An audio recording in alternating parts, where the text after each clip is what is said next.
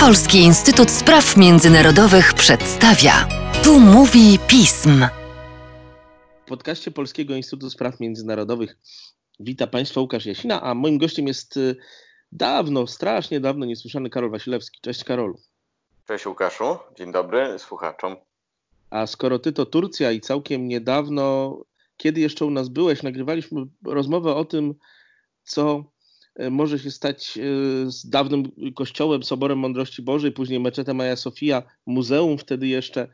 E, teraz ta sprawa została wyjaśniona i bardzo bym Ci był wdzięczny za próbę wytłumaczenia nam rozwoju tej sytuacji w ciągu ostatnich trzech tygodni i tego, jakie to rodzi konsekwencje dla Turcji i dla świata, bo jest to jednak obiekt o znaczeniu kulturowym zdecydowanie szerszym niż dotykającym wyłącznie samego państwa tureckiego.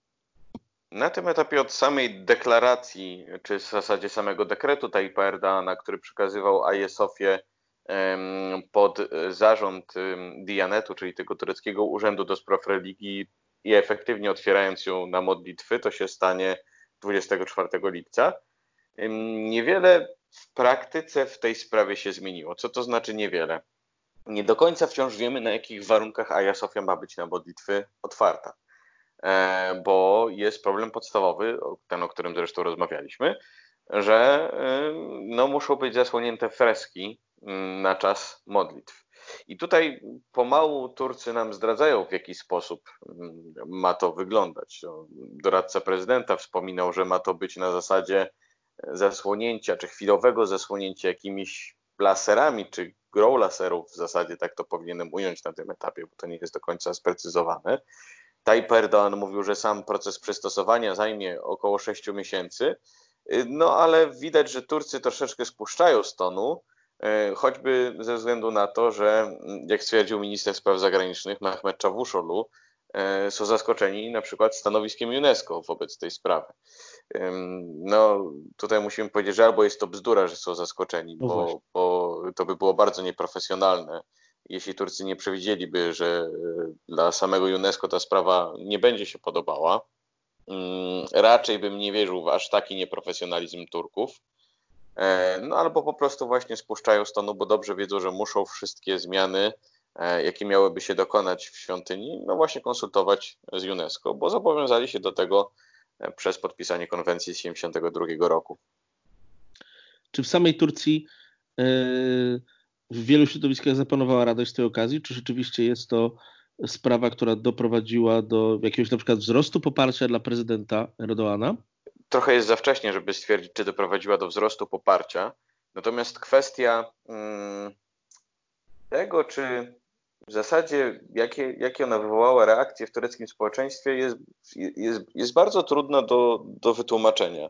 Z prostej przyczyny, bo te, te, te reakcje wahają się naprawdę na spektrum różnych reakcji od wściekłej radości części środowisk konserwatywno-nacjonalistycznych i powiedziałbym, że patrząc na obrazki y, z AI Sofii dotychczasowe, to nie jest skala, na którą liczył rząd przez reakcje typu Orhana Pamuka, który twierdzi, że miliony świeckich Turków e, płacze nad statusem AISOF i to jest oczywistą bzdurą po prostu, bo świadczy tylko o tym, że Orhan Pamuk niespecjalnie, niespecjalnie trzyma kontakt z tym, jak tureckie społeczeństwo wygląda.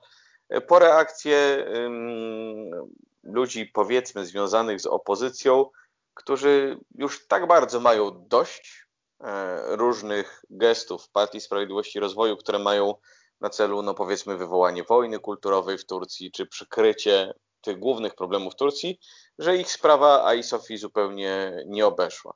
Y, to jest też tak, że zasadniczo 50%, około 50% społeczeństwa zdaje sobie sprawę, tak przynajmniej pokazują sondaże, y, że no to jest po prostu sposób na przykrycie bieżących problemów w Turcji. Oczywiście ten odsetek waha się od grup wiekowych i co jest najciekawsze w grupie w grupie y, najmłodszych, proszę wybaczyć, jeśli skłamię, ale jeśli skłamię, to niewiele, aż 75% y, tych młodych ludzi twierdzi, że no to jest jednak po to, y, konwersja AI Sofi dokonała się po to, żeby przykryć takie, takie problemy jak bezrobocie, czy jak sytuacja gospodarcza państwa.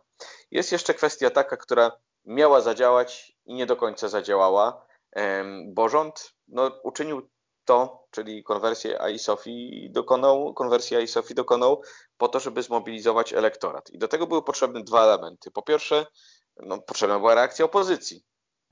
Tymczasem opozycja no, nie dała się wciągnąć w tę grę i w zasadzie powstrzymuje się od większego komentowania na temat, yy, większych komentarzy na temat AI Sofii. Yy, drugi element to potrzebna była wściekła reakcja Zachodu. Tak? Nawet tureckie media prorządowe tak to przedstawiały, a jakoś tej wściekłej reakcji Zachodu niespecjalnie yy, widać. Są oczywiście różne oświadczenia, najbardziej ostre, no tego się mogliśmy spodziewać ze strony Grecji.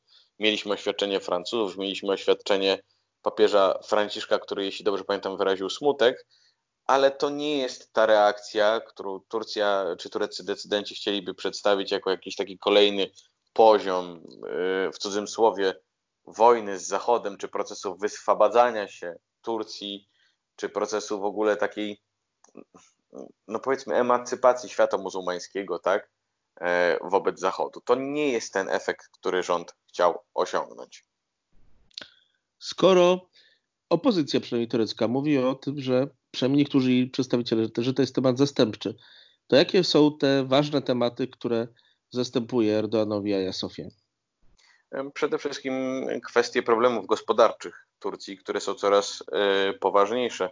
E, tutaj, żeby oddać skalę tych problemów, to y, mogę Państwu powiedzieć o czymś, co zrobiło na mnie największe wrażenie. Otóż proszę sobie wyobrazić, że według niektórych analityków, ja raczej ufam w te prognozy, Turcja obecnie nie ma rezerw walutowych w gotówce, poza tymi, które dostarczają słapy, tak? To jest naprawdę dość duży problem tureckiej gospodarki. Kwestia bezrobocia, które e, Oficjalnie powiedzielibyśmy nie jest aż takie wysokie, bo sięga około 13%, e, ale niektórzy wskazują, że to bezrobocie jest w rzeczywistości na poziomie 40%, ponieważ definicja tego oficjalnego bezrobocia uwzględnianego w statystykach jest bardzo wąska. E, wskazuje się wreszcie w kontrze do chwalenia się przez rząd tego, że pandemia nie doprowadziła do zwolnień, w związku z tym, że Turcy w zasadzie zabraniali zwalniać, tak? E, że no to jest właśnie też problem, bo ludzie oczywiście nie są zwalniani, ponieważ jest takie prawo, że nie można ich zwolnić, no ale de facto nie mają pracy, więc no, no są bezrobotni. E, jest kwestia polityce wewnętrznej szalenie trudna dla Taipa Erdoana, a mianowicie kształt poparcia dla Partii Sprawiedliwości i Rozwoju, które systematycznie we wszystkich sondażach na tym etapie maleje. I oczywiście ja zawsze tutaj podkreślam, że do tureckich sondaży należy mieć no, dość, ostrożny, e, dość ostrożne podejście, e, ale jeśli mniej więcej od trzech miesięcy wszystkie sondaże pokazują, że Partii Sprawiedliwości i Rozwoju poparcie spada, pojawiają się sondaże, które e, pokazują, że to poparcie sięga nawet 30%, a niektóre pokazują, że między partią rządzącą a drugą partią największą w Turcji e, i partią główną opozycyjną, e, Republikańską Partią Ludową jest tylko 6 punktów procentowych poparcia, e, no to świadczy o tym, że rzeczywiście jest kiepsko. I jeśli uwzględnimy to jeszcze w kontekście AI i tego, co mówiliśmy o, o w zasadzie propozycji, która się pojawia, to musimy pamiętać w tureckiej polityce mniej więcej od 2013 roku w charakterze stałym, tak? bo to mniej więcej od 2013 roku Tayyip Erdoğan sugeruje w różny sposób i z różną intensywnością, że Hagia Sofia zostanie meczetem.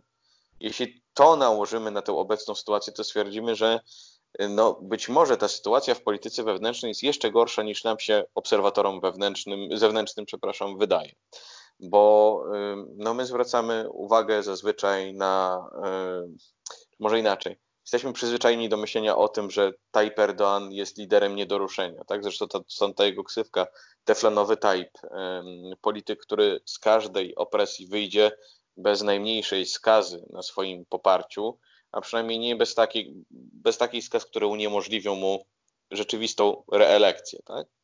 ale być może to jest błędne myślenie. Być może Sofia pokazuje, że powinniśmy zacząć myśleć o Tayyipie Erdoğanie jako polityku, którego wreszcie te problemy dopadły i zaczynają przerastać. No bo jak w inny sposób wytłumaczyć taki gest, który przecież no niespecjalnie zmobilizował elektorat, e, a jednak jest gestem w pewnym sensie ostatecznym, w tym sensie, że no trudno jeszcze raz uczynić za Sofi Meczet, prawda? To jest Dokładnie. karta, którą można tylko zagrać raz. I nie bez powodu Tayyip Erdoğan czekał na odpowiedni moment, żeby zagrać tą kartą. Przypomnę, że naprawdę już w problematycznym momencie, czyli w ubiegłym roku, przy okazji wyborów lokalnych, już mówił o tym, że Hagia Sofia stanie się w końcu meczetem i wtedy nie zdecydował się tą kartą, e, tą kartą zagrać. No jak widzimy więc y, teflonowy nie jest nikt. Zresztą jak głosi historia, nie ma takiego przywódcy, który by wyszedł cały ze wszystkich opresji. No, z reguły ym, sytuacja wygląda w ten sposób, że problemy, zwłaszcza tak jak w przypadku tureckim, problemy nie są rozwiązywane, tak, tylko są zasypywane przez nowe problemy, no z czasem się kumulują. Z tym, że zwrócę uwagę, ponieważ tutaj może ten podcast brzmieć tak, jakbym twierdził, że Tayyip Erdoğan już jest na progu upadku. Nie chciałbym, żeby słuchacze mieli takie wrażenie, bo proszę pamiętać, że jednocześnie to, co przed chwilą powiedziałem, to znaczy o tych nawarstwiających się problemach, z którymi coraz trudniej politykowi walczyć, to jest w zasadzie coś, co powtarzamy od 2013 roku, jeśli chodzi o Tayyip Erdoğana. Turcy, a już zwłaszcza Tayyip Erdoğan, mają fenomenalną po prostu zdolność do tańczenia nad przepaścią. E, I oczywiście nie można wykluczyć e, tego, że Tayyip Erdoğan w końcu no, z tego politycznego konia spadnie, tak? Ale jednak po prostu skłaniałbym do tego, żeby bardziej obserwować jego ruchy i wyciągać z tego wnioski, niż budować od razu przekonanie, że to już jest polityczny koniec Tayyipa Erdoana. Z pewnością ma przed sobą masę problemów, ale między innymi o to chodzi w tej AI Sofii i w tym całym zamieszaniu, żeby pokazać społeczeństwu, że mimo tych problemów to on jest wciąż jedyną opcją, która może, no i tutaj roz, otwieramy cały pakiet tak naprawdę, co może, tak, dla środowiska konserwatywnego będzie to, że może być jedyną gwarancją praw ludności muzułmańskiej. Dla nacjonalistów będzie to, że może być jedynym gwarantem suwerenności Turcji. Na tę suwerenność przecież wszyscy na całym świecie czekają, bo i tutaj bardzo argument, który lubią Turcy, bo wszyscy mają ochotę na turecką geografię, tak? I na to unikalne położenie geograficzne.